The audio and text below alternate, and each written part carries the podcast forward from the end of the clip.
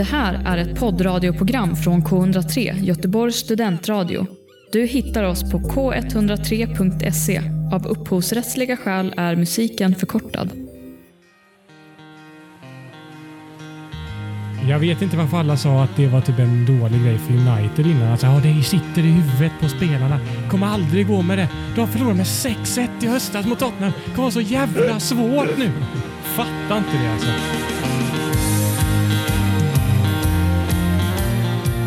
Och där var ni välkomna till avsnitt 21. Det är ett fantastiskt väder idag onsdag här i Göteborg. Jag hoppas ni har det lika fint där ute i stugorna när ni lyssnar på detta.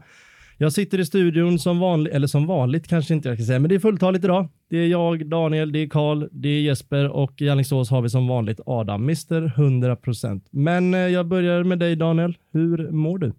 Eh, jag mår bra. Det är jävla... Det är skön stämning här i studion tycker jag. Det, kän, det känns bra. Det båda gott inför dagens podd. Jag vet inte vad ni andra säger. Karl? Jo, men det är superbra tryck här. Ja, men jag håller med. Jag tycker det är lite mer irriterad stämning här. Men Ja, Det är bara för att du har fått massa skit om din jacka. jag har fått skit så jag gick in i huset här. ja, men det är 15 grader solsken ute och du kommer med en regnjacka och sen kan du inte sätta micken rätt i mun. Då blir man lite småirriterad. Men nu, nu, är, vi, nu är vi igång igen. Inga, okej. no harm done. Men eh, Jesper, det, det är sådär då eller? Haft Nej, jag, jag mådde ju bra tills jag såg er. Men det, är- det, är- det är ett bra betyg. Det är så en podd ska vara. Lite dispyt och så. Eh, Adam, eh, hur är läget där borta? Det, är- det är bra. Jag är lika uppumpad som er. Jag har haft en lugn dag och så nu laddar jag för ett uh, paddelpass med några polare efter poddinspelningen. Så det, det är bara bra. Pa- Är du duktig på padel? Uh, fem av tio skulle jag säga. Eh, vad, vad är det på den där matchiskalan då? nej, nej där, där mäter jag inte in mig själv. Jag, så, som alla andra är jag medel plus plus. Adam, du rör dig ju närmare medelklass 35-årig aura för varje dag som går känns det som. Visst gör jag det. Ja, Men, det är målet med detta året egentligen. Att det ska vara fulländad vid årsskiftet. men jag och Karl lirar lite padel, inte jätteofta här i Göteborg, men då, då vi borde ju köra någon gång Adam. Det måste vi göra. Du är inte så duktig på att ta dig till Göteborg bara, det är väl det som är problemet. Nej, men jag har ingen anledning till att åka till Göteborg heller, men eh, nu har jag uppenbarligen det. Det har du. Eh, jag, jag eh, för övrigt mår bra, väldigt bra. Jag är också skittaggad inför den här är ingen som poddinspelningen. vill höra att du mår bra. Harry. Jag har haft goda ekonomiska besked både igår och idag. Igår så satt jag och kollade fotboll typ fem minuter. Nej, men vi kollade CL-slutet, jag och Karl och Jesper med flera. Och drog in lite pengar på betting. Det är kul. Och så idag vaknade jag upp till ett brev i, genom dörren där jag fick eh, försäkringspengar för mitt R. Jaha. Med x antal Wow. nollor som vi inte ska gå in på. Så vill ni ha en eh, sugar daddy tänkte jag säga. Så, Men då köper du middag sen då. Till alla kvinnor som lyssnar på den här podden. så Är det Harry som bjuder på öl sen då? Jag bockar i alla fall av de kriterierna en vecka framöver. Eh, pengamässigt. Men inte för Men- att slå ner någonting här. Vi har, det är en sjuk stämning, det är otroligt väder, allting är på topp. Men bara tänk om det inte har varit en pandemi då. Ja. Tänk om. Tänk alla utserveringar. Tänk CL kvartsfinal på Anfield klockan 21.00. Alltså det hade varit så sjukt. Men då hade vi suttit här och velat vara någon annanstans. Ja, men vi hade suttit på en sportbar någonstans med ett par öl i kroppen. Ja. Tänk om. Mm. Börjar tänka. Men det, det, är det, här, det är en pandemi va? Men det är inte Om långt visste kvar det. tror inte jag. Det är inte långt kvar. Nej, det börjar öppna upp i Alltså, England. jag Det tror ska vi- komma publik. jag till tror vi helgen, kommer va? leva med det ett år till. Alltså. Det är men publik ur på ett, arenan i PL, helgen. ur ett Premier League-perspektiv som ändå denna podden ska försöka vara någonstans, eh, så ser det ganska ut. Det är publik till helgen i FA-cupen. Ligacupen va? FA-cupen först. Ja. Ligacupen nästa helg. Kul, kul. Eh, något mer innan vi kanske går in på den första matchen vi vill bocka av och prata kring? Eh, vad ska det vara för väder i helgen? Det ska vara Det jättefint ska vara kanon några dagar nu. Vad hade du på hjärtat? Nej, jag bara undrar. Då kör vi. På Etihad så hade vi, eh, inte den första, men den andra matchen i omgången där eh, Leicester, Leicester Leeds och eh, Dallas kanske speciellt eh, slog City. Eh, 2-1 på borta på Etihad och Dallas stänker in två baljor. Adam, spelar detta någon roll egentligen? Ja, nu har ju United alla möjligheter till att vinna ligan helt plötsligt såklart. Eh, vinst i hängmatchen så det är bara, vad kan det vara, typ åtta pinnar upp eller nio pinnar någonstans så såklart jätteskillnad. Skämt åsido, nej det gör absolut ingenting. Vi, eh, dock så kul att se att eh, det går att besegra City och att de kanske får sig en liten självförtroendeplump eh, inför det stundande Champions League-slutspelet. Så för den sakens skull så var det väl skönt att de kunde torska en match också. Att Leeds för den delen gör det med en man mindre gör ju inte saken sämre. Nej, vi snackade om det i förra avsnittet, om det är bra att komma med en förlust eller en vinst inför ett, eh, en CL-match. Eh, det kanske vi ska låta vara osagt, men vi pratar inte allt för mycket FPL i det här. Jag tycker bara lite intressant. Är det någon mer än jag som satt med de där Dallas-poängen på bänken eh, i helgen? Nej, eller, nej, jag har inte Dallas, men han som jag ligger trea tror jag i en liga jag verkligen bryr mig om. Eh, och han som leder där, han har ju Dallas på bänken, men får in honom. Det är aset. Ja, fy. Jag satt ju med Dallas i startelvan och det var sån skadeglädje när man gick in på Fleet Chris Mackwood eller vad ditt lag heter och såg att, Det heter exakt det. Ja. Så inte... och såg att eh, Dallas satt på bänken där. Det var skönt. Ja, längst bak på den också. Mm. Eh, nej, det, var, det var trist, men matchen i övrigt, eh, det, jag vet inte, jag såg matchen, det, det var en jävla rolig match. Jag trodde Eh, du var hemma och golfa. det är klart jag golfar, men jag, Nej, jag har ju tid däremellan och en telefon har mig. Men eh, det var en kul match och det var väl eh, solklart rött kort va? Ja, just det. Ja. Ja, du, du vevar med armarna, du har ingen aning. Karl, gå in på vad du tänker på. Nej, men eh, Cooper kommer ju in och tar bollen först, men sen sätter han ju dobbarna rakt i Jo, knät har på, på Gabriel eh, Jesus. Eh, och först så kän- kände jag direkt så här, nej det här är inte rött kort, för man såg ju City-spelarna var ju framme till domaren direkt och varför visar det bara gula liksom. Men sen när man såg på reprisbilderna så det är ju en ruskigt ful tackling och han träffar ju, alltså träffar han lite mer så är ju Jesus knä av typ. Det är några galna VAR-beslut den här veckan. Eh, verkligen. Det är en diskussion vi har haft eh, i 19 av 20 avsnitt och kanske inte behöver ta idag. Men fan, det blir inte bättre. Det låter som ett rött kort när du berättar om det. Jag har inte Mm. sett det, men det låter som att det borde varit ett rött. Eh, det snackas om säsongens lag där ute i olika medier och stugor. Eh, Leeds kanske är där och nosar, men det måste väl vara eh, West Ham. Mm. Ja. Den Jesse. Lingard är ju player of the year också. 2021 då. Hur var det Adam? Han har tangerat sitt eh, säsongsbästa nu va? På nio matcher i West Ham redan. Ja, vad har han gjort? Åtta mål och tre assist på de nio matcherna. Det är sinnessjukt faktiskt. Vad det är ju många som, eh, som grämar sig över den eh, referensen att de byter ut L mot, eller L, J mot M och säger Messi Lingard och att folk ska lugna sig där. Vad känner du Adam? Är det roligt eller är det verklighetsfrånvänt? Det är väl både och. Eh, tidigare, alltså det är någonting som United-supportrar har hållit på med sedan typ han slog igenom 2016. Eh, lite senare kanske det framkom, men eh, väldigt länge och sen så är det uppdagats ordentligt nu efter den här formen av även andra utanför United-kretsar. Så det, för mig är det lite passé att kalla honom Messi Lingard, men eh, absolut, för vill man göra det så kör på. Jag gillar Lingard. Är det, är det inte det sämsta som kunde hända honom att han är så här bra nu? För nu kommer han ju vara värd så mycket pengar när han ska säljas eh, till sommaren. Så Och- kommer eh, typ United vilja kräva så här 400 miljoner och så kommer inte typ West Ham vilja lägga det ändå. Han skulle varit typ hälften så bra ungefär. Han får För sitt eget bästa liksom, innan han var Ja. såld. Eller? Alltså grejen är att jag tror, alltså om det fortsätter nu är det väl, vad är det kvar? Är det åtta matcher? Var vi i omgång 30? Nej, 31 var vi. Eh, sju matcher kvar. Eh, sju, vad säger jag, det är fem matcher kvar. Skitsamma. Eh, om man fortsätter den produktion som man har gjort. Det är sjukt. Jag tänkte också, nu var jag tvungen att tänka, tänka efter. Ja, det är 20 lag. Korrekt. Ja, ja, matten är inte den ska vara, men det är inte det som krävs av oss heller. Eh, om man fortsätter producera och eh, ja, som han har gjort i West Ham, då tror jag han går för den prislappen som ens sätts upp. Framförallt till West Ham och möjligtvis till andra lag. Det, han har ju varit alldeles för bra. Alltså jag menar, kan en Iwobi gå för fi- 40, då kan han göra det. Mm. Men eh, det är ju se- Du menar att han hamnar kanske i frysbox United för att prislappen blir för hög? Nej, men typ att eh, det, det, är lite delikat situation för West Ham här, för de gör ju en eh, säsong som kanske Sheffield gjorde förra året, eller Burnley har gjort några säsonger med att de typ flyger lite högre upp än vad de egentligen kan. Och se om de lägger, om Lingard nu köps för 400 miljoner så kanske Les, eller West Ham inte är lika bra förra säsongen. De liksom kanske lägger alla kulorna i en skål här på ett sätt eftersom att han uppenbarligen inte har varit, det här kanske inte är hans naturliga eh, nivå eh, rent leveransmässigt. Det är bara en tanke att eh, det kanske är så att det är lite svårt för båda parter här. Mm. Eh, I alla fall för West Ham. Jag vet inte om jag hade lagt fyra eller typ sä- säg ens 350 miljoner på Lingard för det är rätt mycket stålar för en klubb efter en pandemi också. Och levererar inte han på samma nivå nästa år så kommer det vara en eh, förmodligen en ganska dålig värvning.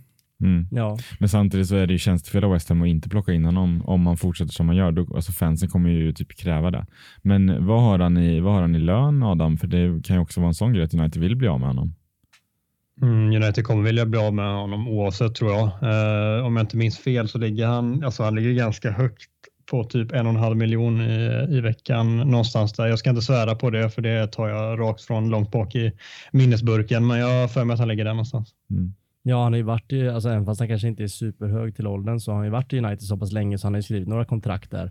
Eh, Så det skulle inte förvåna mig om hans lön är ganska hög. Men, men ändå om man ska summera denna diskussionen så är det väl allt annat än att, alltså att inte bli såld och stanna i United, det är väl den enda situationen som inte är bra för honom. Mm. Och Men den, den chansen eller risken är ganska liten Han har ju många anbud. Det är ju nu- så nya klubbar som vill ha honom varje dag har man ju sett. Ja, Eh, alltså det, det är inga problem. Folk kommer vilja ha honom.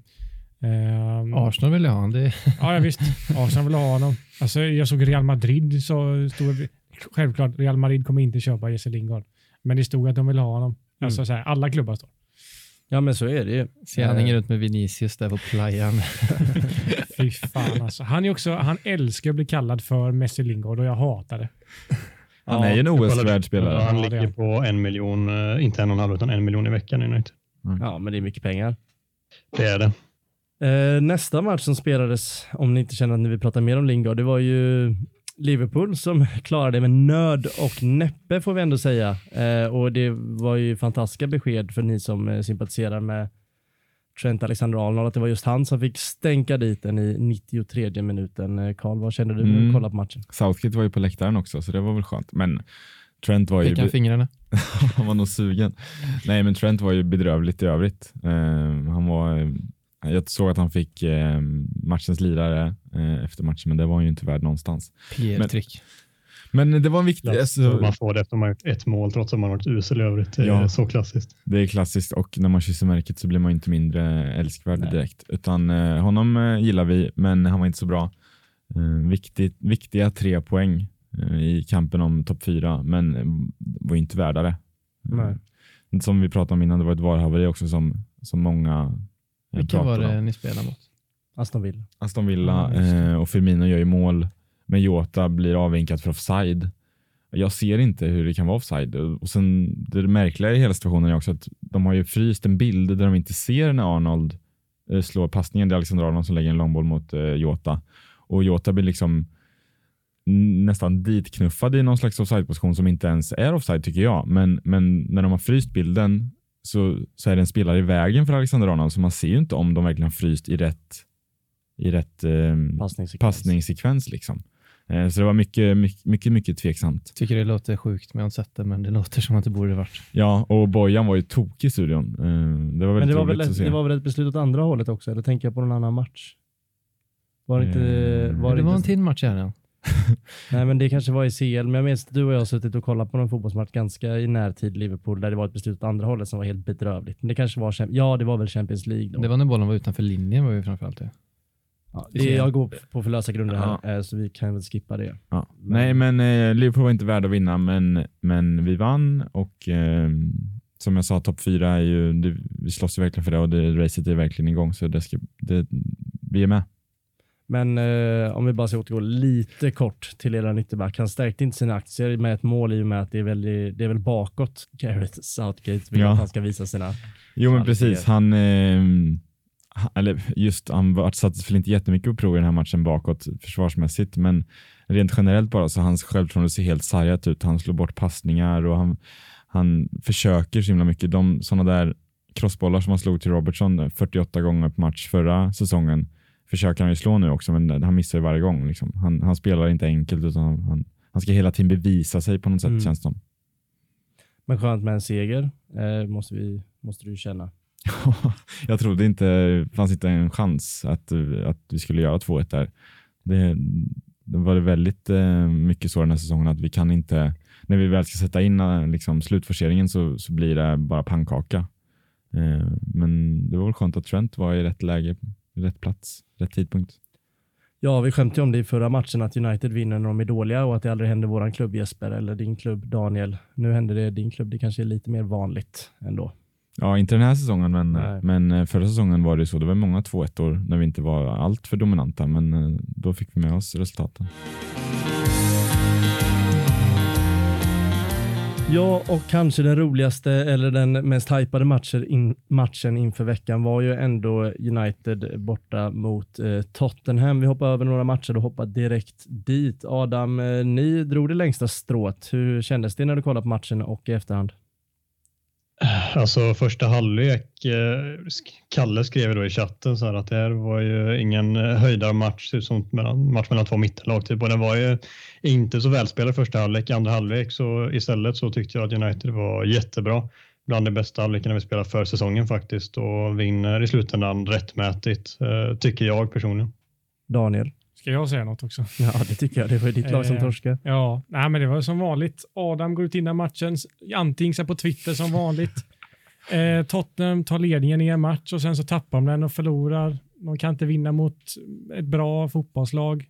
Det är precis som vanligt. Och så är det lite roliga grejer som sägs efter matcher och sådär va. På tal om eh, det sämsta som kunde hända er måste ju varit att vinna med 6-1 i höstas mot United. Jag vet inte varför alla sa att det var typ en dålig grej för United innan. Alltså, ja, det sitter i huvudet på spelarna. Kommer aldrig gå med det. De förlorade med 6-1 i höstas mot Tottenham. kommer vara så jävla svårt nu. Fattar inte det alltså. Men jag tänker att alla i Tottenham fick hybbe efter det. Ja, kanske. Men de, de, det var inte så liksom man pratade om det. Man pratade om att liksom United-spelarna hade, att det satt i deras huvud. Ja, nej, Det- jag, jag håller ju med dig där. Ja, det känns ju tack. konstigt. Alltså, ni efter en så pass lång, ganska halvbra period ska jag tänka, få hybris för att ni vann med 6-1 för typ ett år sedan. Liksom. Typ Det- Lo Celso tror jag kan ha hybris så mycket. Jaha, ingen i Tottenham borde ha hybris nu. Förutom Höjbjerg. Ja, han kan få hybris. Nej, men han tror jag inte har det. Nej, men han kan få ha om han vill. Ja, Han förtjänar det. är dansk. Som vanligt kommer Bale in med 10 minuter kvar. Ja. Rätt eller fel?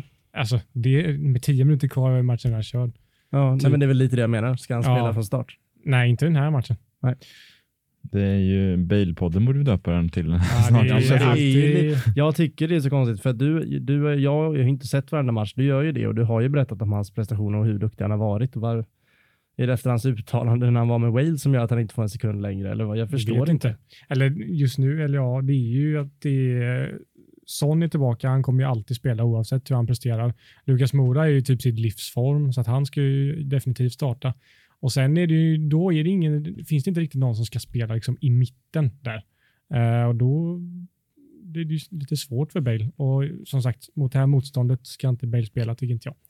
Eh, så jag vet inte, men jag är- lite trött på Bale-diskussionen. Men en annan diskussion som vi pratar om är ju ofta eh, Mourinho och Ole att de inte ska ta resultat för att båda, alltså vi vill se dem sparkade så att säga. Ja, så det är kanon, kanon att det här kommer. Hoppas vi får typ 7-0 i sketan i ligacupfinalen så han bara ryker alltså. Men, men det blev ju inte tydligare än så här som, jag, som Adam nämnde att jag skrev i första halvlek. Alltså det, det är ju två lag som spelar, det ser inte ut att de ska veta vad de gör med bollen. Har, har deras tränare sagt åt spelarna vad, vad som ska hända när de har bollen? Nej, jag vet inte. Nej, Adam, nej. Det är en fråga till dig kanske. Ja, jag har diskuterat det jättemycket i, i min podd. Alltså, jag tycker ofta det ser ut så när, framförallt när vi är bollförande, att många spelare de får bollen, de tar emot den, de tittar upp och letar efter alternativ och så spelar de därifrån. I de flesta lagen, framförallt de bästa lagen, så vet ju alla spelare vad de ska göra med bollen i vissa delar av planen. Kanske en del av planen så vet de att de kommer ha de här två eller tre alternativen att göra av med bollen när de väl får den. Men i Uniteds fall i alla fall och jag tycker det ser väldigt likadant ut i Tottenham och jag minns det likadant från när Mourinho var i United att det är så mycket upp till varje spelare att få bollen att lösa det och på något sätt eh, binda band mellan varandra och jag tror inte riktigt att det funkar idag för lagen som man möter ständigt är väldigt mycket mer väloljade och strukturerade än vad de var för bara tio år sedan. Så det är väl någonstans där som jag landar kring eh, United och jag tycker att det i perioder kan bli jättebra, typ som i andra halvlek hade vi verkligen fått till då bollen går som på snöre emellanåt till exempel då Freds kvitteringsmål är jättevackert men jag tycker inte det heller som några tydliga intränade varianter eller sådär utan det är ju bara att det helt plötsligt funkar mellan några spelare som är väldigt bra på fotboll. Era 2-1 mål är ju fan kanonsnyggt ju. Ja, det är också Cavani's nickmål är Mm. jättebra, men jag tycker just det, det snabba one-touch-spelet innan Freds mål som Cavani missar avslutet, men Fred trycker in returen tycker jag är jättevackert också. Men absolut, eh, Cavani-nicken är ju briljant. Det, det, ser så, det är så tydligt innan att han har sagt till, eh, han och Greenwood har ju pratat lite tidigare typ och det känns som att han säger till bara så fort du får läget, skicka in den på, på bortre mot mig för det finns yta där varje gång. Och det är ingen som plockar upp honom i Tottenham. Han kommer ju ganska ren där och kan nicka in den. Det är jättebra av honom för han är ju som, vad säger man, han är så typisk målgörare. Han rör sig så fantastiskt fint i boxen hela tiden. Det ser vi även i första halvlek, målet han gör där som blir bortdömt sen. Så sättet som han rör sig i straffområdet är eh, bland det bättre i världen och det har vi jättenytta av i den här matchen och förhoppningsvis även i resten av säsongen. Han har skaffat lite skägg också. Jag vet inte riktigt vad vi tycker om, om det. Nej, det ska han inte ta bort. Han ska ju ha sitt hår, men bort med skägget. Ja, det var ju också någon som hade vevat upp honom med en sån här vev i hans rygg typ innan matchen. Helvete vad taggad han var. Han var ju alltså, han var ju fan på allt som rörde sig och alla som sa någonting. Det där han gör mot Joe Rodon, jag fattar ingenting. Eh, det är bara en duell mellan de två. Joe Rodon, det kom ett inspel mot Cavani. Rodon tar bort den. Rodon ramlar. Jag vet inte om Cavani ramlar. Eh, Nej, men Cavani blir så jävla... Och Cavani blir lack för det. Han blir så jävla arg på det. Fattar ingenting. Fan, han hade aldrig kunnat möta Lacazette i så fall. Det är skö- kul att se Adam att en spelare brinner så mycket för det ändå. En spelare som ni kanske inte har efter säsongens slut. Han spelar bara av sitt kontrakt. För vilket kontrakt? Ja, jag, jag älskar ju att se passion i, i fotbollen, så mer av den varan. Uruguayaner eh, har det i blodet uppenbarligen. Det har vi ju sett eh, åtaliga gånger på spelare därifrån. Bara inte han biter någon. Jag säga en sjuk grej? Ja. Ja. Mm. Det var ett fall framåt försvarsmässigt för Tottenham. ja, det var så. Jaha, alltså utan tvekan. Det fanns ju lite stabilitet där bak. Ja. Och för Juris också. Jävla räddningar gjorde det med Han gör ju vänster- alltid sådana räddningar och sen så det spelar ingen roll, han släpper ändå alltid in tre mål. han, han gör ju alltid ett sjuka räddningar. Ja. Nej men det, alltså, Han ska ha den på Greenwood tycker jag dock, men han gör ju en dunderräddning innan det, så han spelar ju jämt med sig själv. ja, det, ja, det hade inte spelat någon roll. Men eh, vad ska jag säga? Ja, Davinson Sanchez ut ur startelvan. Det var inte ens med i truppen. och Erik Dyer kommer in som eh, brinner för Tottenham och det märks direkt alltså. Ja. Men vad tycker vi om eh, Glenn Strömberg som, som ville ha ut eh, ja, vem var det som slog nu igen då? Det var ju McTominay va, som slog Ja. han i Ja. ansiktet. Ja, kan ni bara säga vad ni Ja. tycker så kan jag kommentera Ja, kör, kör ni först. Kör ni först. Alltså om vi vad vi tycker om Glenn eller om situationen? Inte om Glenn. Men om ni håller med Glenn var min fråga mer kanske. Kan vi säga vad Glenn ville då? Han ville ha ut McTominay. Ja. Jesper, Ja, du kan ju börja med att säga att du inte har sett situationen. Jo, jo. Fan, jag har sett den alltså. är det sant? Nej, men eh, det var en liten... Eh, lite, alltså det såg ut att göra ont, tyckte jag personligen, men sen ser det också sjukt omedvetet ut. Eh, Men spelar det någon roll om det är medvetet eller omedvetet? Då?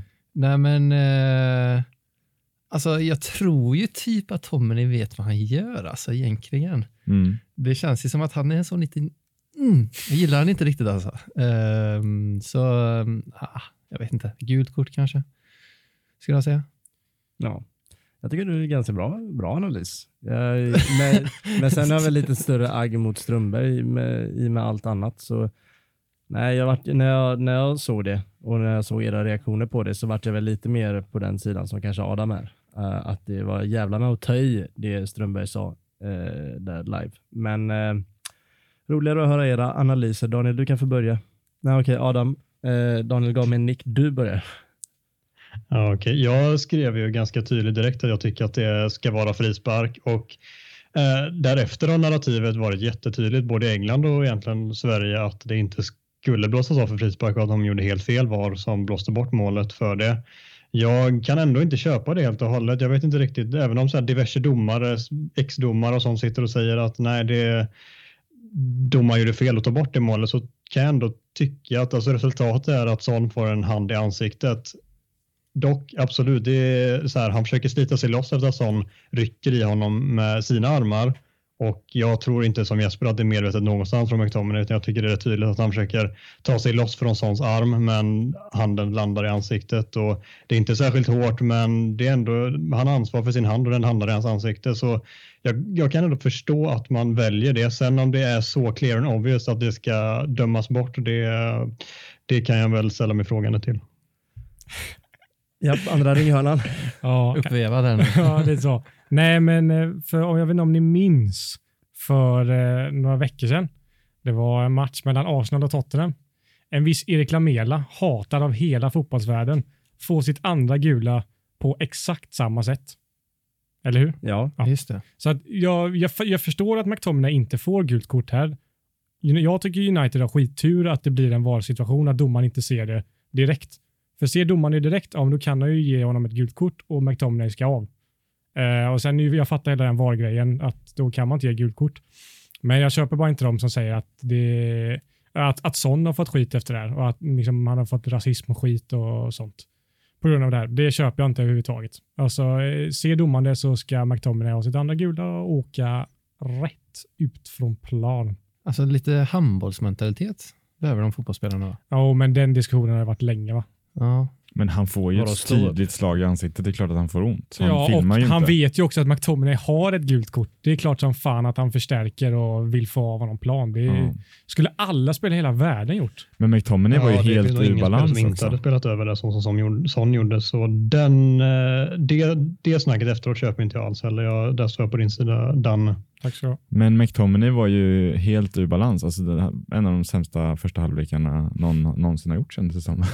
Ja, Slog han en passning i den rätt, interna alltså. MUS-chatten att han eh, ska jag ha en av tio i betyg. Sen så spelar han väl upp sig i andra halvlek och nådde väl någonstans godkänt sett till bara den halvleken i sig. Men första halvlek alltså totalt under isen. Men det är ju också en spelare som hade mått bra av att det finns en tydlig spelidé eh, när ni har bollen. Jag menar, det går inte att han ska få in bollen på mittfältet och så ska han göra vad han vill med den. Liksom. Det funkar ju inte så.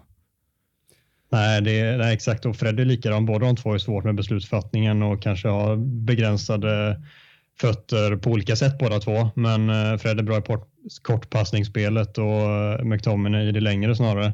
Men om de har tydliga instruktioner så givetvis så borde det bli bättre kan man ju tycka.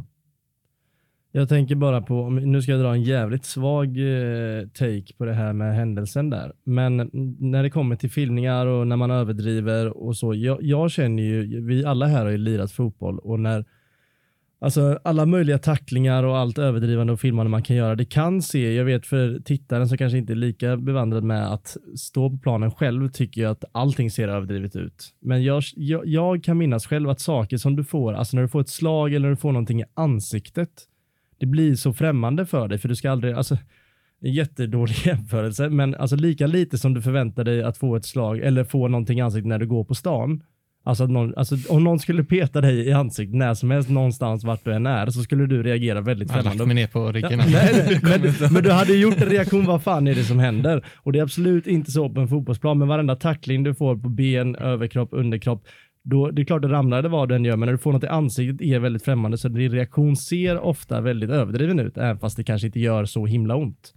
Och jag tror ofta man eh, kanske behöver ta in den lilla, lilla aspekten. Jag vet inte, ni kanske inte håller med mig och det behöver ni absolut inte göra.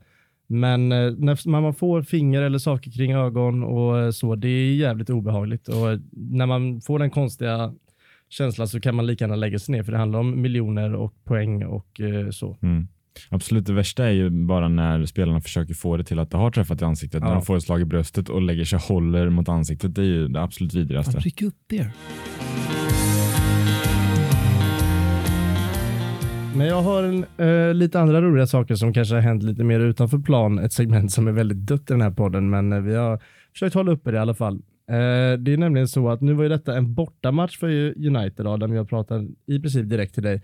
Men eh, jag, i The Athletic som har haft en intervju med Ole Gunnar Solskär så pratar de om att de har, eh, de har tagit bort sina röda banners som har täckt hela hela läktaren nu sen, eftersom det inte har varit någon publik och ersatt dem med svarta och detta beror på en av anledningarna i alla fall enligt Ole Gunnar Solskär är att när du behöver ta de här split second besluten när det ska gå fort du letar efter en röd tröja då är det väldigt jobbigt att ha en helt röd bakgrund på andra sidan. Jag tyckte det var lite humoristiskt. Adam, vad, vad har, du, har du hört detta? Ja, jag läste det bara eh, typ en halvtimme innan vi började spela in här och jag fick mig ett gott skratt. Men eh, han förklarade väl typ som att eh, spelarna hade uppdagat detta, att de tyckte att det var så att det var svårt att urskilja spelarna från de röda stolarna som dyker upp i bakgrunden liksom när man tittar snabbt åt sidan. Och då kommer jag direkt att tänka på en situation som jag tror Kalle säkert har sett med Thiago i Liverpool när vi spelar på Anfield och han ser, det, är någon så här reklamskylt som rör sig och han råkar spela bollen dit fast det inte är någon spelare där. Har du, har du sett den? Ja, det är väl en jultomte som springer där. Eller något Ja, det är nog till och med en jultomte. Men det, ja, det är uppenbarligen kan ju sånt påverka, men det, är- ja, det är kul att de drar det så långt också, att de ska ändra allt detta nu för att det ska göra någon typ av skillnad. Man, man kan ju hoppas det, men samtidigt har vi sett att Manchester City, de går ganska bra på hemmaplan trots att de har ljusblåa läktare och ljusblåa tröjor. Ja, man får inte lämna något i slumpen va? Nej, det är här Nej, det så är officiella, Detaljerna är det som avgör. officiella steget där spelare har blivit lite för bortskämda. Ja, verkligen. Spelartruppen klagar på sponsorn på kanterna. Vilken färg det är på läktaren. Men om man kan få en förändring så måste man göra den. Ja. Tänker jag. I, som du pratar om att det är miljoner och poäng och allt som står på spel. Då ska man väl göra, göra det bästa av situationen. Och jag ska tyvärr, vilket är lite tråkigare för storyn, men det ska brasklappas för att detta var tydligen i tiden med en ny antirasistkampanj som de hade. Eh, och därför ändrar de även text och... Att de eh, inte ska liksom hålla på med det. Liksom. Måste de kasta in det? De vill ju bara ha att de inte ska ha röda läktare. Nej men det var tydligen det, så, ja, eh, så det har gått från eh, röda färger till svart på Men läktarna eh, när Old Klopp Trafford. tog över Liverpool så ändrade ju han nätfärgen. Jag vet inte om du minns det, men Anfield hade ju röda nät ett tag under Brendan Rodgers. Mm. För de hade ju det på Jag sin, gillade faktiskt det. Under sin storhetstid hade de det, så tog Brennan Rodgers tillbaka det för att det var liksom tradition och det var så han förknippade Anfield. Eh, och det var ju jävligt snyggt, men Klopp upplevde ju då att det, det röda nätet smälte in med fansen så att spelarna hade svårare att se målet och, liksom, och göra mål helt enkelt. När det är ett vitt nät så blir det ju på något sätt tydligare och det, det köper man ju ändå. 100 procent. Är det sexkantigt eller fyrkantigt nät? All, jag tror alla i Premier League är fyrkantiga? Ja, de får de- inte ha ja, sexkantiga. Kan de hänga upp det eller är det hjul längst bak? Det är sådana det är såna pelare. Ah, fina de är. Ja, Alltså. men det, det, alla, alla är pelare så? Tror du att det är sådana nät som går från ribban ner till... Ja. Ner Har ni skjutit i ett sånt mål en gång? Ja men det är ju endast på, på planen du har utanför ditt hem. Ja. Har har, ni skjutit i ett sånt mål som har så nära stolpar långt bak en gång? Sen passar och så bara, oh, och så rullar den Ja. upp Så ser alla mål ut idag? Vilken Nej. nivå Nej, men spelar han du menar på? ju sådana riktiga mål, alltså som i Premier då League. spelar du i allsvenskan eller? Alltså har du skjutit ett sånt mål där det har stolpar bak, där nätet hålls upp. Det är ingen, Ja, stå, Han ingen menar att det är en skön känsla. Det är, ing, det är ingen ram. Det träff, de träffar i krysset så träffar du i nätet, inte i ramen. Jaha. Vad var du det för jävla moderatkommun? Ja, det har jag verkligen kan jag säga. Eh, nog... Men har ni skjutit i sådana mål min fråga? Ja, det har jag. Ja, De flesta faktiskt. målen ser ut sådär. Nej. Hemma hos mig! Jag kan fall inte stå för vad ni har. Så, då är de målen jag har skjutit på sedan jag var 18. Jag tror han ljuger. Jag tror han ljuger. Jag. Alltså, Har ni hade, skjutit sånt på? Men Ja! vad är- vi hade såna här stålramar som Ja, men vi är lite mer arbetarklass Ja, Jeppe. det är, vad Ja. heter era klubbar? Bärryda KBK typ. Alltså det är så, jag har spelat i en Jag säger bara allsvensk att vi klubb. kommer från folkhemmet. Vi kommer från folkhemmet. Du vet inte vad riktiga Sverige är. Visst, men det var inte det vi pratade om. Men Så- det är ju allsvenska klubbar också som, har, som inte har kört dem. Nej. Men åk till Påsbergsvallen så kommer du... Så, där har jag varit flera gånger. Ska vi göra vårt första fältreportage därifrån? eller? Och bara kolla in nätet. Åka runt på de allsvenska arenorna och checka näten. Alltså det hade jag lätt skrivit under på. Jag hade en kompis, eller en kompis farsa, som var brann så mycket för den här frågan så han mejlade Svenska fotbollsförbundet en gång när det inte var sexkantiga nät på landslagets matcher. Men det var ju vidrigt. På Friends i början, då hade de inte sådana nät. Alltså Zlatans bicicletamål är ju sådana här Ja. hittepå Mm. liksom. det. Ja. Men det är ja, också nej, så men det, här, det påverkar. du Det vet, det. Ja. hittepågrejer, VAR, eh, mållinjeteknik, eh, Målteknik är bland det bästa vi har. femte domare och sen ta bort hjulen på målen. Ja, Den men lilla jag, spänningen vill man ju ha. jag klipper det. Ja, klipp bort. Jag, jag håller med dig med VAR 100% mållinjetekniken har ju funkat helt felfritt i Premier League sedan den kom. Men tänk, vi har varit utan barndomsminnet Lampard i VM. Jag vill inte vara utan Men det är ju VM. I PL har det funkat klockrent. Ja. Där kan vi inte hugga tycker jag inte. Men eh, nog om eh, allt det vi precis gick igenom. Jag tänker göra en eh, väldigt halvbra segway in till vi pratade om att det ändrades läktarutstyrsel på Old Trafford från eh, rött till svart beroende delvis av en antirasismkampanj. Eh, och det har ju varit lite, eller Har du klippt bort allting därifrån nu? från vad då? Nej! Du vet, han har- väljer väl det sen? Ja. Jesper, dina input är så otroligt svaga. avbryter.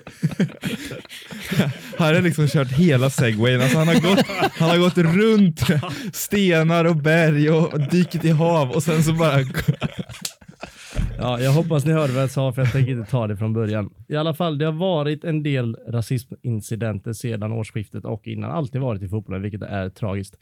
Eh, delvis i La Liga, jag tror det var mellan Cadiz och Valencia ganska nyligen. Eh, och sen var det den där med Glenn Camara i Glasgow Rangers. De mötte Prag, tror jag, Slavia Prag.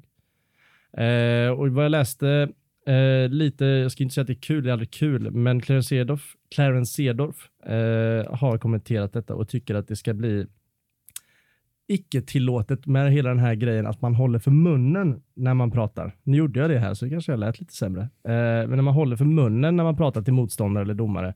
Jag vet, eh, jag som tittar alltid tyckt att det är lite löjligt, men det är ju för att läppar inte ska kunna läsas eh, och så vidare så håller spelarna för munnen. Eh, vad tänker ni kring det? Hade det kunnat på något sätt ta bort de här incidenterna eller är det lite löjligt? Daniel? Ja, du tittar på mig. Jag vet inte riktigt. Ja. Jag ska, du vet vad Ja, du ska jag säga. vet exakt. Ja, jag bollar alltså- över den eh, på Jesper direkt. Det är min favoritsegment på alla fotbollsmatcher när jag ser dem gå så. För det är så här, nu vet jag att de pratar bullshit om deras tränare med varandra, så Ja. kan man börja fantisera. Så här, Åh, har du hört vad han har gjort? Åh, du vet. Jag kan också romantisera det lite när man ser två motspelare som känner varandra genom landslagssammanhang pratar efter matchen. Men jag förstår ju vad han menar under match, att eh, folk står och skriker på varandra likt Zlatan Lukaku till exempel och håller för munnen. Men det är också en svår grej att ta bort. Eller du, du, nu ska du ta bort en spelare eller människas beteende. Alltså själva hålla för munnen-grejen. Eh, det känns som att det, vad ska de ska jag få gult kort för det? Det kan ju Nej, men- eskalera totalt. Man kan få böter för det efteråt. Jaha. Men, det, Ja, men man då, börjar det väl... kommer ju inte hålla. Alla, de tjänar ju hur mycket som helst. Men sätt miljarder på det. Man börjar väl i fel ände också. Det, till att börja med så ska det väl inte finnas några rasistiska eh, värderingar någonstans. Nej. Eh, Det tar ju inte bort några värderingar. Det, gör, det gör det ju inte, men om vi också ska vara väldigt krassa i den här podden, hur går det med att ta bort de här värderingarna då? Nej, det går ju sämre än någonsin känns det. Ja, och det har ju fortgått under alla års tid och jag tror hur mycket vi än kämpar för det kan det bli bättre, men det kommer aldrig bli optimalt. Eh, Så varenda sak man gör för att eh, se det försvinna tror jag hjälper på något det var sätt. fint. L- Valencia klev ju av hela laget. Va? Bara Mm. så. Vi går av. Och det är ju så man ska göra. Liksom. Ja. Jävligt synd att den återupptogs och Cadiz vann. Det Mm. var jävligt synd faktiskt. Adam, eh, det är lite svårare för dig som sitter på länk och kommenterar saker och ting. Vad, har du några känslor kring detta?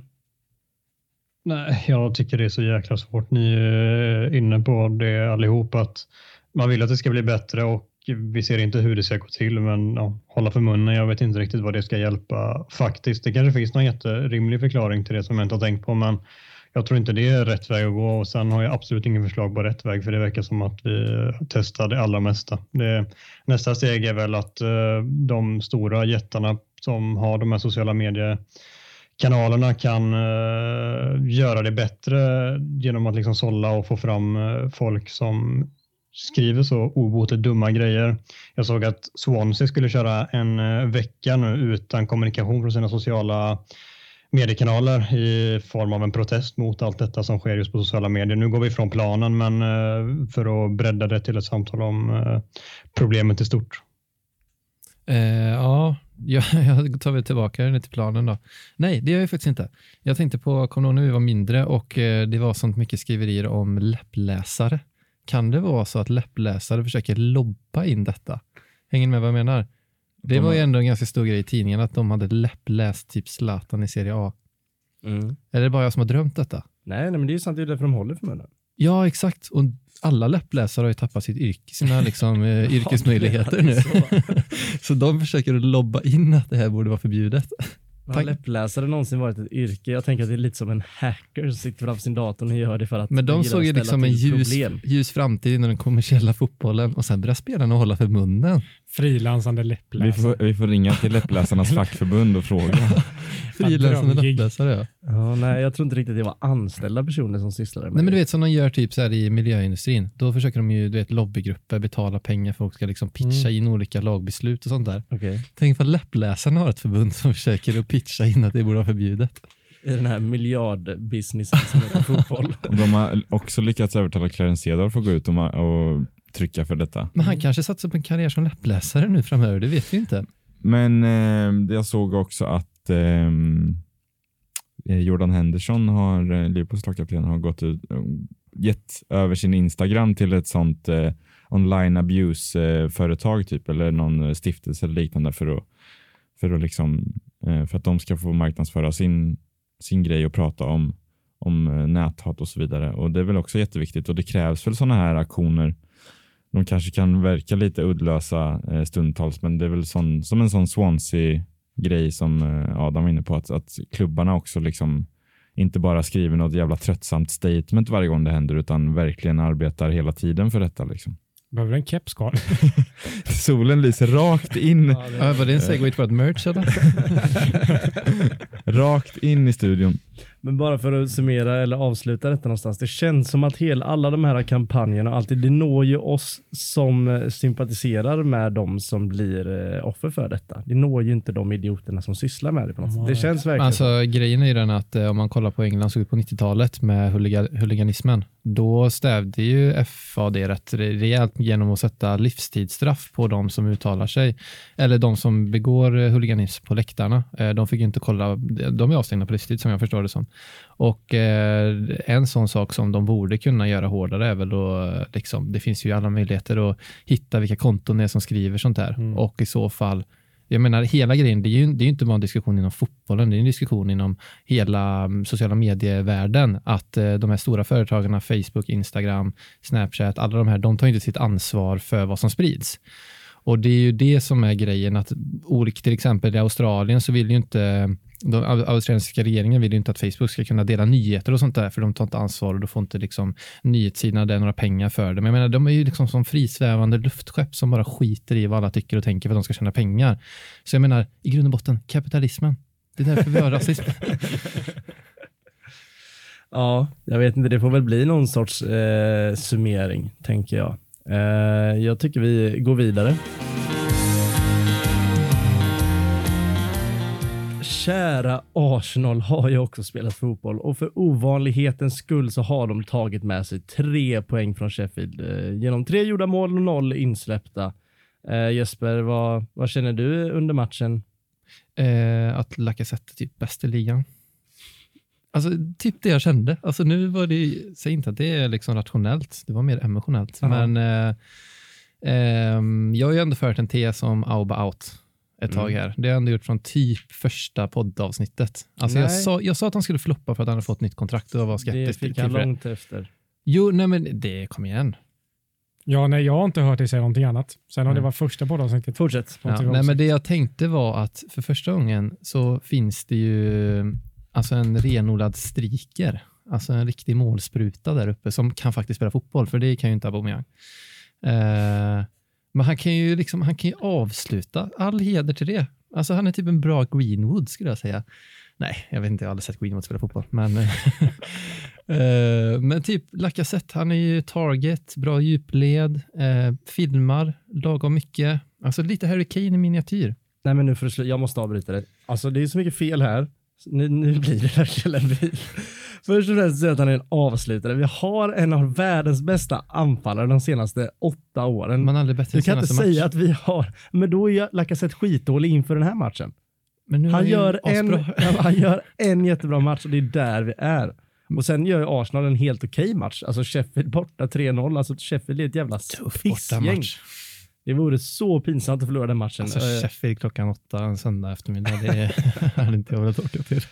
Men eh, nej, jag, jag håller inte med dig. Alltså, jag tycker också Lacazette gör en jävla dundermatch och han borde absolut starta nästa match. Men det är, jag tycker det är helt, alltså verkligen verklighetsfrånvänt och bara pissa på Auba så som, eh, ja men så som ändå du tenderar att göra, vilket jag inte gör. Jag förstår att han har varit superdålig och jag förstår hela den här taken Özil och hans situation och att Auba kanske är på väg att ta sig någonstans åt det hållet.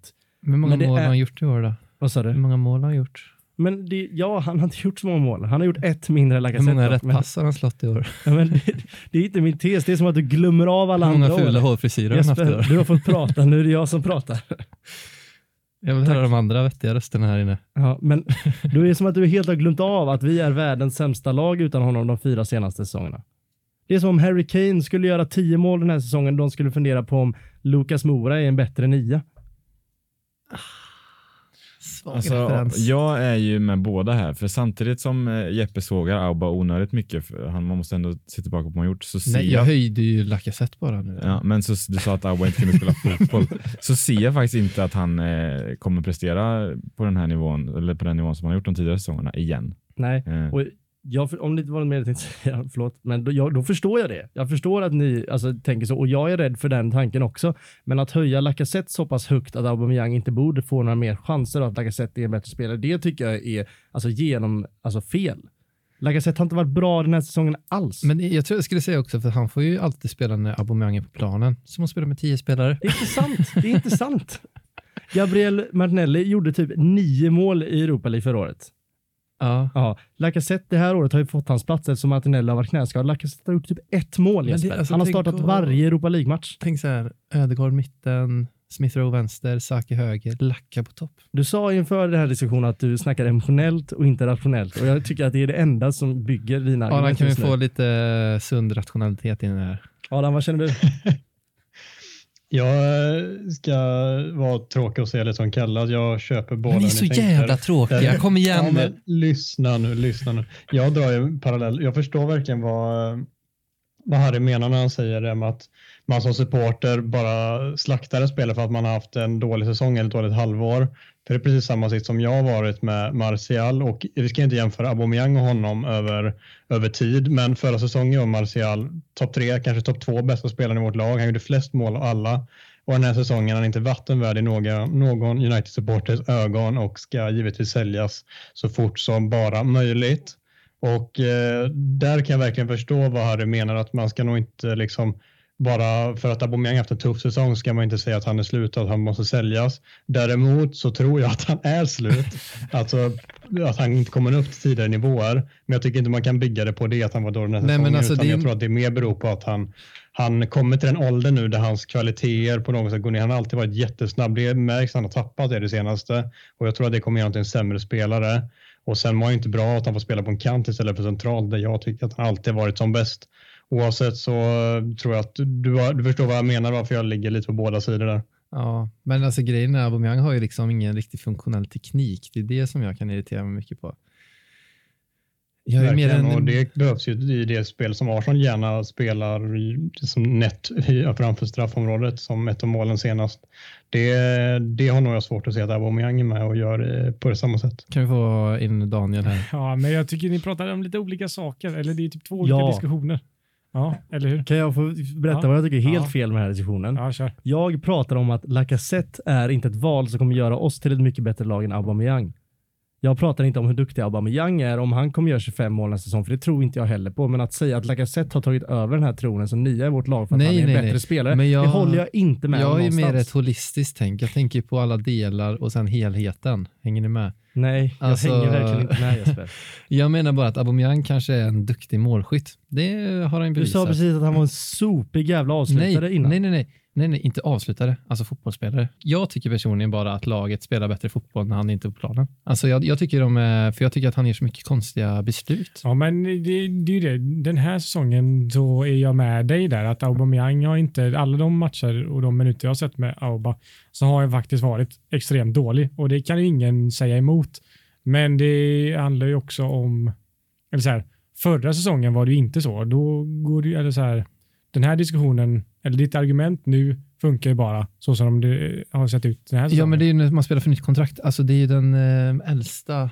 Ja, men det, det är ju som... om- Knepet Och i inte, boken. ja, men inte bara förra säsongen. Det som Harry sa, det har ändå varit extremt många år nu i Arsenal som han har levererat extremt bra. Men, men jag har alltid på något sätt utan grund hållit Lacka högre för att jag bara gillat honom. Jag har Men han också, gör ju jag mer också alltid gillat Lacazette, men skillnaden är ju, om vi någonstans ska vara krassa, är ju att vi ser varenda match. Jag ser varenda Europa League-match och vi har snackat om det här flera gånger, att ofta har man en spelare i sitt lag man tycker om mycket för man själv ser den. Som om jag gillar kanske Iwobi när han spelade, men ni andra fattar inte någonting för att ni inte ser de här Europa League-matcherna hit och dit. Jag ser ju varenda, varenda match det här året. Och jag, jag, jag vet ju att Auba absolut inte har nått upp till de nivåerna han har, men Lacka har fått jättemycket chanser. Han har inte heller gjort det. Nej. Nu gör han en toppenmatch. Du höjer honom till skyarna. Det är som om Auba stänker dit två nästa, nej, nästa nej, vi, vi vecka. måste kolla mycket på detta här nu eh, efterhand. jag, jag, jag tycker bara att det blir bättre balans i laget. Det är dit jag vill komma. Så vad du säger är helt enkelt att Lacazette har tagit över positionen Nej, som men alltså att det är mer naturligt. Alltså det känns bara mycket mer naturligt. Vem vill du ska spela om man får välja en av dem? Eh, Lacazette. Ja, men då är det ju det du säger, att du tycker att han har tagit över platsen som vår bästa nia. Men det är typ som att eh, Manchester United spelar Scott McTominay framför någon. Han kanske är sämre fotbollsspelare, men eh, han gör United bättre typ. Mm. Vilken referens! Alltså, jag, tycker Känner det är du så den, Ja, men jag tycker det är så otroligt tvetydiga resonemang. Du säger att du tycker att han ska spela, men han är inte bättre. Han gör laget till det bättre. Då måste han ju vara bättre. Nej. Det är som vi att, alla det är som om att jag är med i den här podden. Jag är sämst i podden, men jag höjer Nej. det liksom, helheten. Vadå, är vi inte överens? Om vi får välja en som spelar nästa säsong så väljer väl alla Lacazette här? Nej, Jo, det är det vi gör. nej, absolut inte. Men Nästa säsong är dumt att säga. Nästa Nej, men det, match om, du har, om, du har, om du har pistolen mot huvudet, du måste välja en spelare som ska starta eh, premiären nästa säsong. Den andra försvinner till eh, Vi bortser Cadiz i helt från Spanien. löner och hur länge Ja, på kontrakt ja, och ja. sånt. Och hur gamla de är. Bara hur, vem är bäst? Vem startar vi nästa säsong, premiären? Men vik det inte här nu. Nej, nej, men nej, det gör jag inte. Men det är klart när man sätter det i sånt perspektiv. Det är inte riktigt så resonemanget har förts, men jag säger Aubameyang. Eh, det gör jag. Det finns, eh, högsta nivån är mycket högre där. Lacazette har också nått sin peak för länge sedan. Lacka är också, börjar också bli till åren faktiskt. Åldras med gott vin. Men eh, jag känner att det är en diskussion som kanske kan fortsätta i nästa avsnitt när det är lite mer kött på benen. Mm. Eh, för att det är kul att bråkas lite, men nu känns det inte som vi kommer någon. Vi har eh, pratat nästan till en timme. Jag har en annan sak som är lite rolig som också kretsar kring denna matchen. Vi mötte ju trots allt Sheffield United. Eh, deras gamla tränare Chris Wilder har ju för första gången pratat eh, i media sedan han fick kicken därifrån. Eh, och det är nämligen så att han har bara gått ut och tackat spelare, ledare, fans eh, för sin tid där. Eh, en tid där han på tre sista åren tog dem upp två serier och hamnade nia i Premier League, vilket är helt ofattbart bra. Eh, och sen får kicken efter en halv säsong. Vad är det? Jag vet, vi pratar inte så mycket om soplagen, därför tycker jag att vi skulle ta upp detta. Är det, är det fel eller rätt att Chris Wilder inte sitter där fortfarande? Daniel, jag tycker du ska få Ja. svara på detta. Ja, var ju, när vi var ensamma i den här studion så pratade jag och Adam om det. Det behöver inte betyda att vi inte pratar om det igen. Du sa ju att vi inte hade pratat om det. Nej, jag sa att soplagen är väldigt sällan vi tar upp. Mm. Aggressiv stämning här nu. Nej, men eh, då, för då gav jag en otrolig känga till eh, Sheffield United. Att skulle de vilja sparka Wilder och liksom klara kontraktet så var det ju alldeles för sent att sparka honom. Men Adam sitter inne på lite info som eh, gör, eller han, det var ju inte så att de sparkade honom va? Är det juicy? Nej, men de sparkade inte Nej, honom. men det va? var väl ett gemensamt beslut i slutändan. Ja, och då, ja. Jag tyckte, ska de göra av sig med Wilder för att säkra ett kontrakt så är det ju jättedumt att det var så sent. För att säsongen var redan över när han lämnade. Om det var ett gemensamt beslut, eller det kan man ju ofta säga, men det var ju, då är det ju på något sätt samtidigt, alltså det är storartat av Wilder att göra så att han inte vill se, han vill inte liksom göra mer skada mot sitt kära Sheffield. Mm. Men också svalt att så här, jag vill inte vara den som är, är tränaren som är med när vi åker ur. Alltså, Fegt. ja, men för grejen är att jag tror typ ingen kommer att göra det. De kommer inte se Premier League på ett bra tag, för det, det är en pisstrupp. Alltså. Det han gjorde med den truppen är fan, det är alltså all heder åt honom som du sa Harry. Eh, så att jag tror ingen kommer kunna göra det bättre än honom. Nej, det är väl lite så jag känner också. Men när ni går in på att det tydligen inte var så enkelt som en sparkning som jag inte hade uppfattat det, då kanske det blir lite annorlunda premisser i det hela. Men samtidigt, Norwich var ju också en ganska pissig trupp, eller? De går väl som taget. Ja, men de har ändå lite spelare med lite USP. Är han Cantwell kvar, eller? Cantwell Mm. kvar, Puck är kvar, är. Bundia är kvar. Lånat. Och det var väl en annan snittålder kanske också. Känns som att det är en lite högre snittålder på detta Sheffield.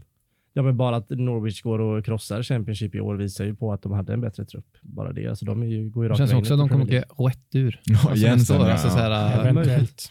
Men, så, men det, det är ju ändå som Daniel säger, det är mer USP i det laget. Todd Cantwell var ju en Ja. spelare som vi aldrig trodde skulle fortsätta i Norwich. Vi trodde han skulle gå till ett lag och Puck är ju Ja, alltså när Sheffield gick upp så var ju alla chockade för alla trodde att Sheffield Wednesday var det laget som var bäst i den staden, alltså som Mm. spelade roligast fotboll. Så det var ju, det var ju en skräll att de ens kom upp överhuvudtaget och vann. Ja, men lite så.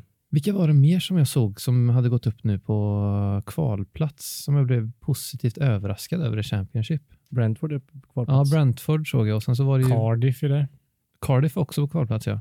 Mm. Eh, Och Bournemouth. Alltså om Just det, det var Bournemouth, Bournemouth jag tar, om tänkte på, för Bournemouth tar de- tredjeplatsen och Det lag, om de vinner playoffet så blir det tre, alla tre lagen går upp igen, de som åkte ur. Det är ju astråkigt. Ja. Mm. Ja, både och. Jag gillar Bournemouth. Men det är väl för att man Det alltid är kul att få nya lag. Det är just att det är exakt samma som åkte förra säsongen. Liksom. Mm. Brentford hade ju varit kul, eller? Då får väl Pontus Jansson Ja, det spela. har man unnat Jansson. Det är en sak som vi har hoppats på så länge händer det. Sen så kommer ju han typ lämna, som han gjorde med, Les- med Leeds. Han spelar MFF nästa år om de går Ja. upp. Men han lämnar ju och sen gick de upp dock. Han hade ju aldrig lämnat om Leeds... eh, Nej, jag vet, men eh, det Nej. känns Går. Brentford upp så kommer han inte lämna. Det Nej, inte. nej. Han är Ja, ändå kapten där så de kommer inte De, göra de är ju, jag läste en lång artikel om det i Sportbladet. De verkar ju satsa så in i bänken. Alltså byggt ny arena och verkar tänka liksom jättelångsiktigt. Det kan nog vara ett lag som vi får se i PL nästa säsong. Vi har ju en annan, vi har ju Saman Ghoddos där också. Men ehm, Hur går det med hans ekonomiska problem? ja, han är väl avstängd varannan dag typ. Nej, men eh, jag, det här är en helt annan sak, men jag lovar mig själv innan jag kom hit att vi glömde ju följa upp en cliffhanger för massa avsnitt sen när Adam eh, kallade Fabrizio Romano en bluff och så sa vi det tar vi nästa avsnitt, så har vi inte gjort det. Ska, ska det bli ny cliffhanger eller ska vi få det förklarat? Ja, vi får väl eh, cliffhanga den igen då. Ja, eller jag vet inte. Vad känner ni? Vi har, jag tänker att vi har någon som knackar på dörren. Ja, vi, Ja, eh, vi det blir en ny cliffhanger. Ja. Det är så jag jobbar, så Vi vi får alltså nya lyssnare hela eh, tiden. vi gör en dubbeljapanare som vi säger inom handbollen. Exakt.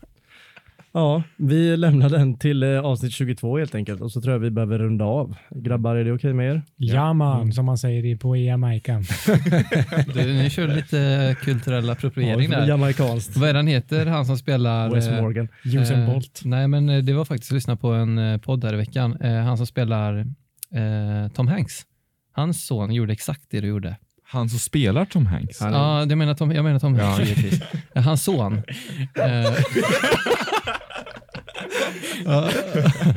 Ja, men Tom Hanks spelar väl Tom Hanks. Han har aldrig gjort det tror jag. Nej. Men hans son i alla fall, han gjorde det Danne gjorde här. Fick en jävla shitstorm efter sig. så vi får se vad det- FKH Sverige Ja, kommer ta Fan nu. jobbigt. Göteborgs eh, studentradios största podd. klipp Harry, klipp. Ett drev hade väl bara gjort gott. Ja. Både positivt och Kan vi inte börja dreva lite mer i våran podd också? Grabbar, eh, jag frågade om det var dags att runda av. Ändå gjorde vi inte det. Jag tycker att det är tid för detta. Eh, tack för att ni har lyssnat på avsnitt 21. Som vanligt så tackar jag mina medarbetare vid namn Daniel, Karl, Jesper och Adam. Det är som vanligt superroligt att spela in avsnitt för er och vi hoppas vi ses även nästa onsdag. Ha det bra allihopa!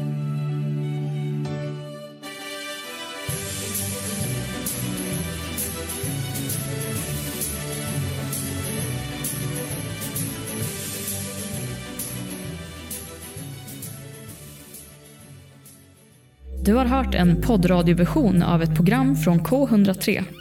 Alla våra program hittar du på k103.se. Följ oss gärna på Facebook eller på Instagram. Vi hörs!